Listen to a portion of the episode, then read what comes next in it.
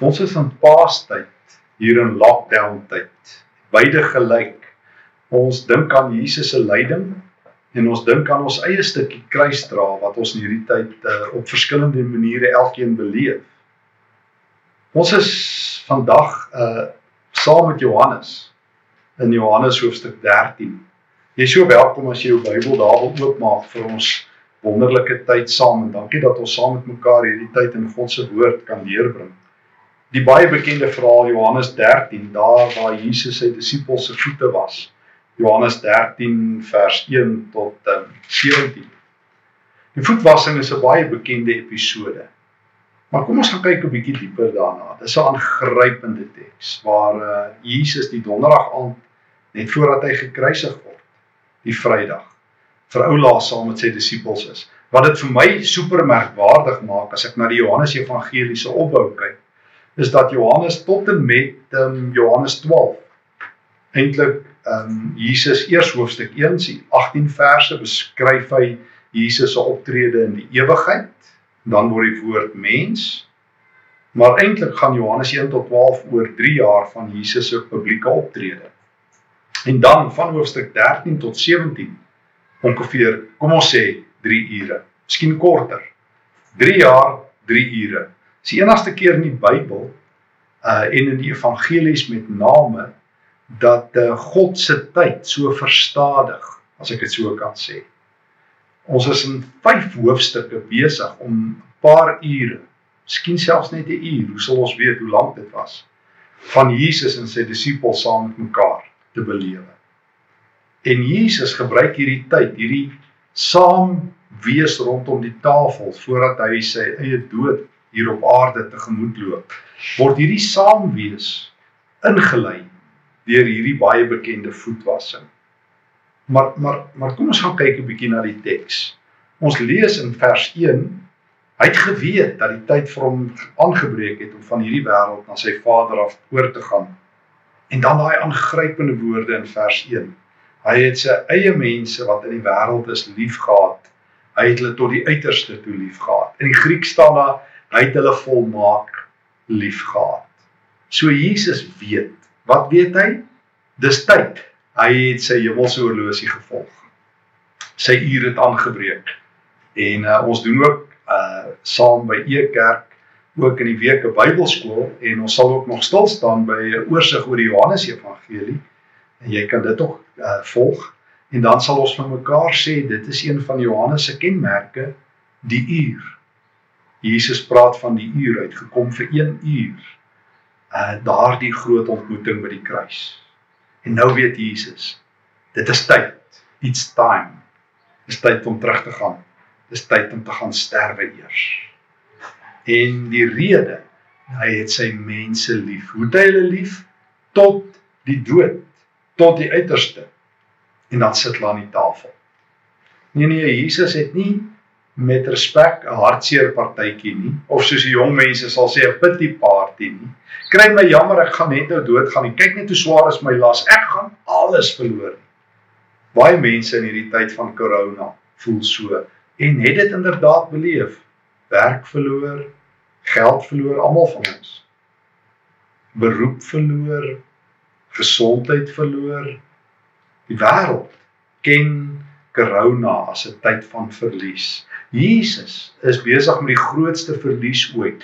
Die seun van God, hy wat die woord is van ewigheid tot ewigheid. Hy's nou hier op aarde tussen ons en dis die laaste aand en hy weet wat vir hom voorlê. En dan wat doen hy? Ja, hy gaan sit saam met sy disippels aan tafel en hy eet. Hulle maak 'n fees. En dan as hy klaar sy ete saam met sy disippels gehad het, en Judas Iskariot pas pad gegee het, dan gebeur daar 'n merkwaardige ding, een van die skokkendste dinge in die evangelie ooit. Vers 4. Toe staan hy op. Nou kyk, ons hou daarvan as iemand opstaan.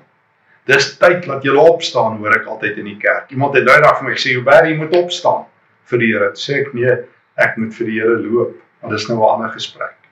Uh ons is baie goed met opstaan. Ons moet 'n standpunt inneem nou staan Jesus op en dan dink ons nou gaan die dinge gebeur. Maar kom ons lees verder.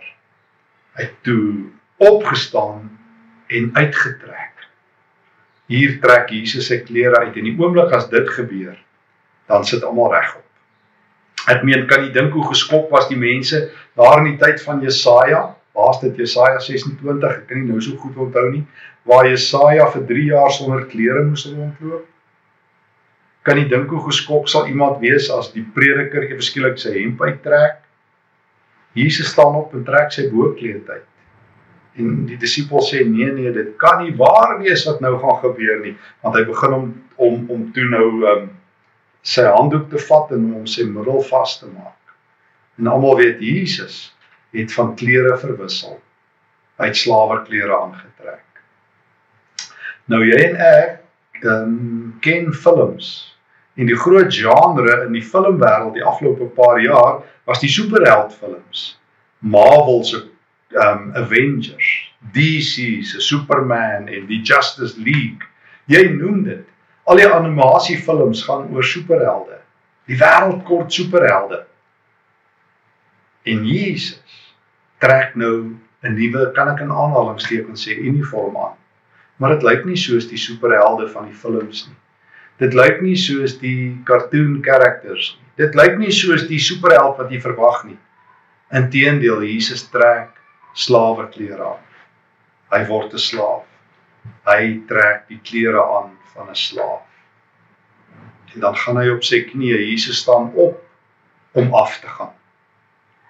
Nou, jy en ek weet een ding van God. Reg ook. Hy is soos wat ek in die mooi ou Afrikaans geleer het, hoog verhewe. God is heilig. Daarom ken die Bybel 'n baie goeie posisie wat jy en ek moet inneem teenoor God ons buig. Dis die beste plek om by God te wees op jou knieë, buigend, aanbiddend. En dis reg, dit moet so wees. Ons kyk op as ons die Here soek. Petrus in Lukas 5 val op sy knieë voor Jesus neer. Openbaring 1, die apostel Johannes as hy uh, vir Christus ontmoet op Patmos, val hy neer.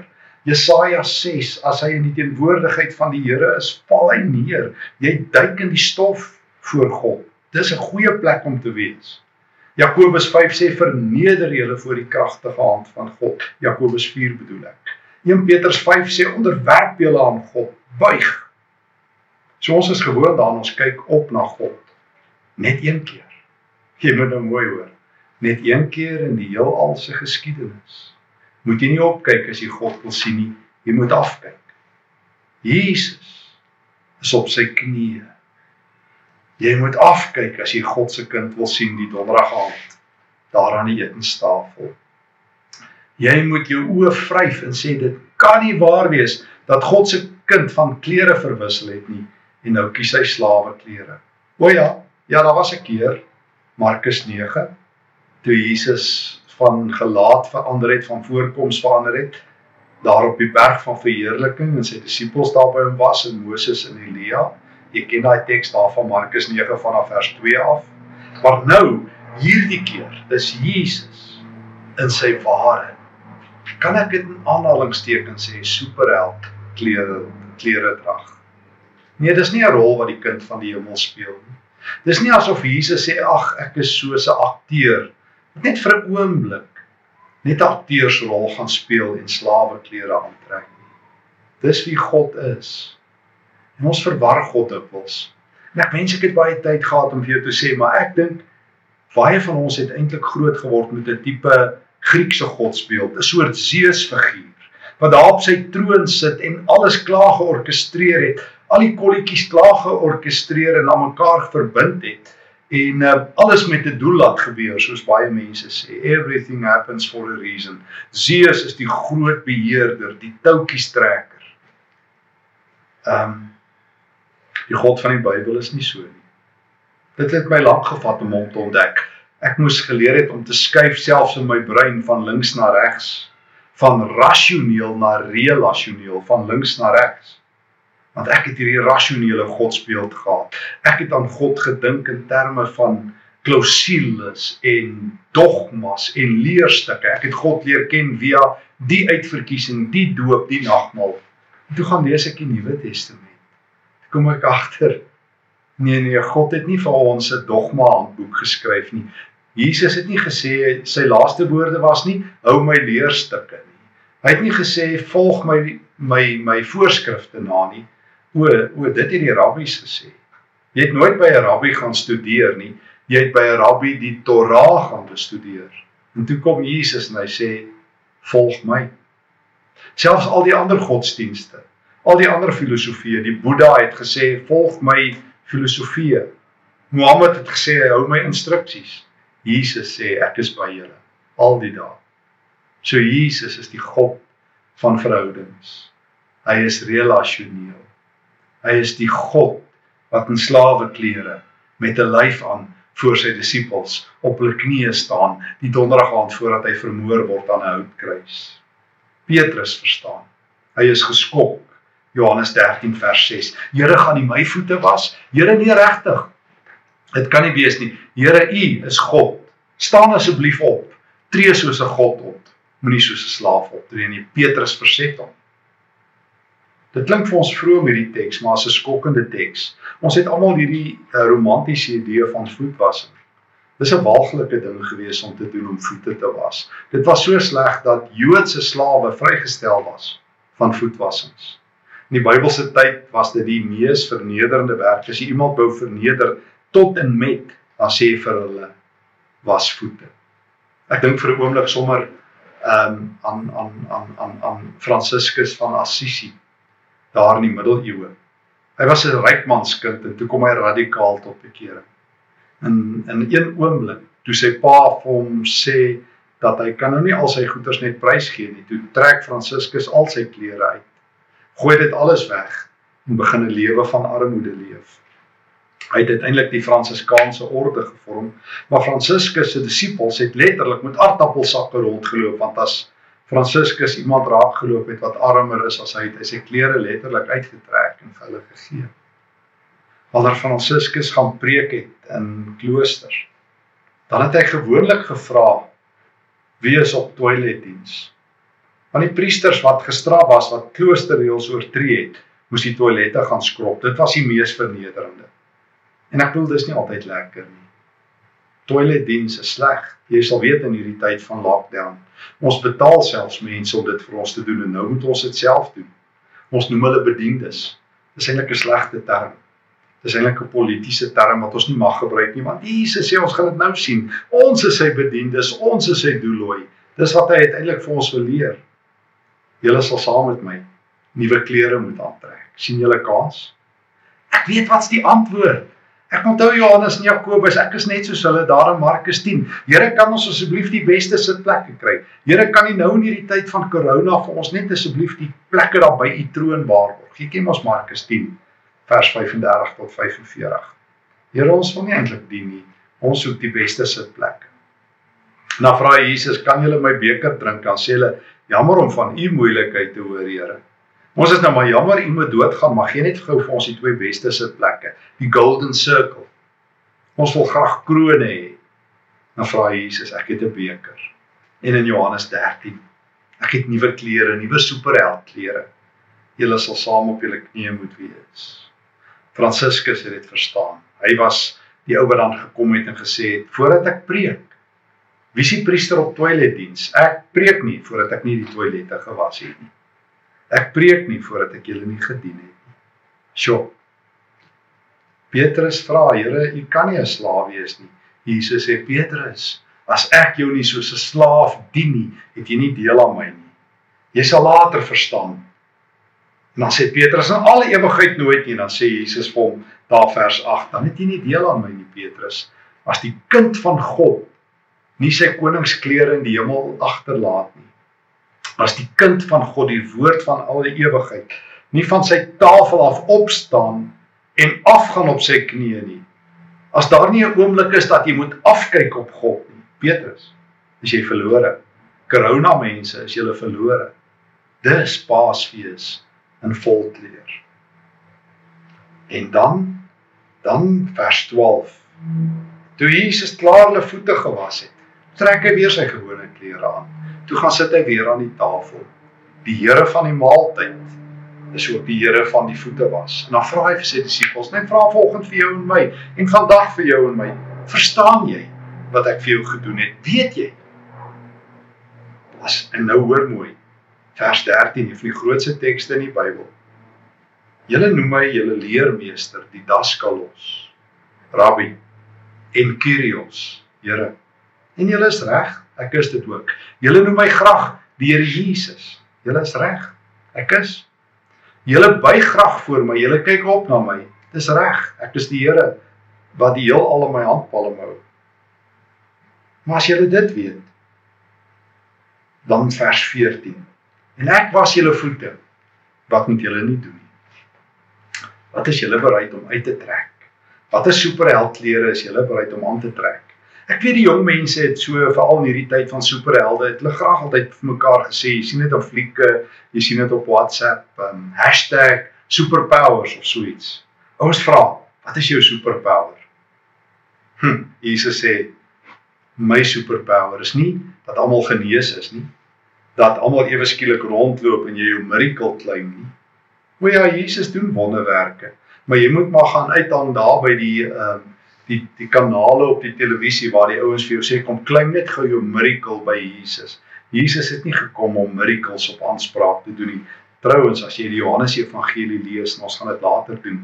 In Johannes Evangelie doen Jesus net net 7 wonderwerke. Anders op amper wys ek dit verkeerd. Net 7 wonderwerke, tekens, semaia. En hy doen dit om sy almag te wys, nie omdat hy 'n um, ehm, sogenaamde wonderwerker is nie die grootste wonderwerk wat Jesus kan doen is om sy lewe af te lê. Dis sy superpower. Dis sy uur. Nie sodat almal ewe skielik brood kan hê nie. Vra maar van daai skare in Johannes 6 wat Jesus aftrek, doen vir ons nog 'n wonderwerk. Moses het daarom elke dag brood gegee. Wat gaan u doen? Jesus sê ek is die brood. Johannes 6:35 Ek is die brood. Julle sê ek is julle Here, julle is reg. Kan julle dien soos julle Here? Want my superkrag is om te dien en joune om 'n koning en 'n koningin te wees. Hoor nou wat sê Jesus. Ek het vir julle 'n voorbeeld gestel. As as ek julle voete gewas het, ek het vir julle 'n voorbeeld gestel. Mense dra hierdie bandjies. What would Jesus do? Op om my bandjie te dra, vra liewers what did Jesus do? Ek het vir jou 'n voorbeeld, 'n hypoteigma. Ek is altyd verstom dat mense dit verkeerd kry. Ons dink ons moet opstaan vir die Here. Ons moet die sondaars vasvat. Jesus sê, weet jy wat? Voordat jy nie kan afgaan nie, kan jy nie opstaan nie. Voordat jy nie voor ander mense kan buig nie, kan jy nie vir my werk nie. Iemand sê nou die dag vir my, hy buig voor geen mens nie behalwe voor God. Ek sê, "O, verstaan, jy het tog nooit Johannes 13 gelees nie." Hy sê vir my, "Wat bedoel jy?" Ek sê in Johannes 13 voordat jy kan staan, moet jy kan buig. Hy sê nie hy buig voor God, ek sê nee en voor mense. Want Jesus is op sy knieë voor mense. Paulus verstaan dit. O Paulus verstaan dit so goed. Hy sê in 2 Korintiërs 5, hy's op sy knieë ek smeek julle. Aanvaar die verzoening met God wat hy in Christus, wat Christus vir ons bewerk het. O, wanneer jy nie voor mense kan buig en opkyk nie, En is nou jou tyd in corona tyd om te leer opkyk. Leer 'n bietjie mense as regte mense sien. Daai mense vir wie jy so verbygeboord se wart sit by jou werk, gaan dink oor hulle en vra wat se regte mense is hulle. Hoe kan jy hulle dien? En dan sê Jesus, ehm um, dit is die voorbeeld wat ek vir julle gelos het om kleiner te word en minder te word. Ehm um, en dan gebruik hy 'n aangrypende woord in vers 16. Dit verseker ek julle. Ek het dit al 'n paar keer gesê, mag ek dit weer sê wanneer Jesus hierdie woorde gebruik, dis sy hashtag. Jong mense sal verstaan.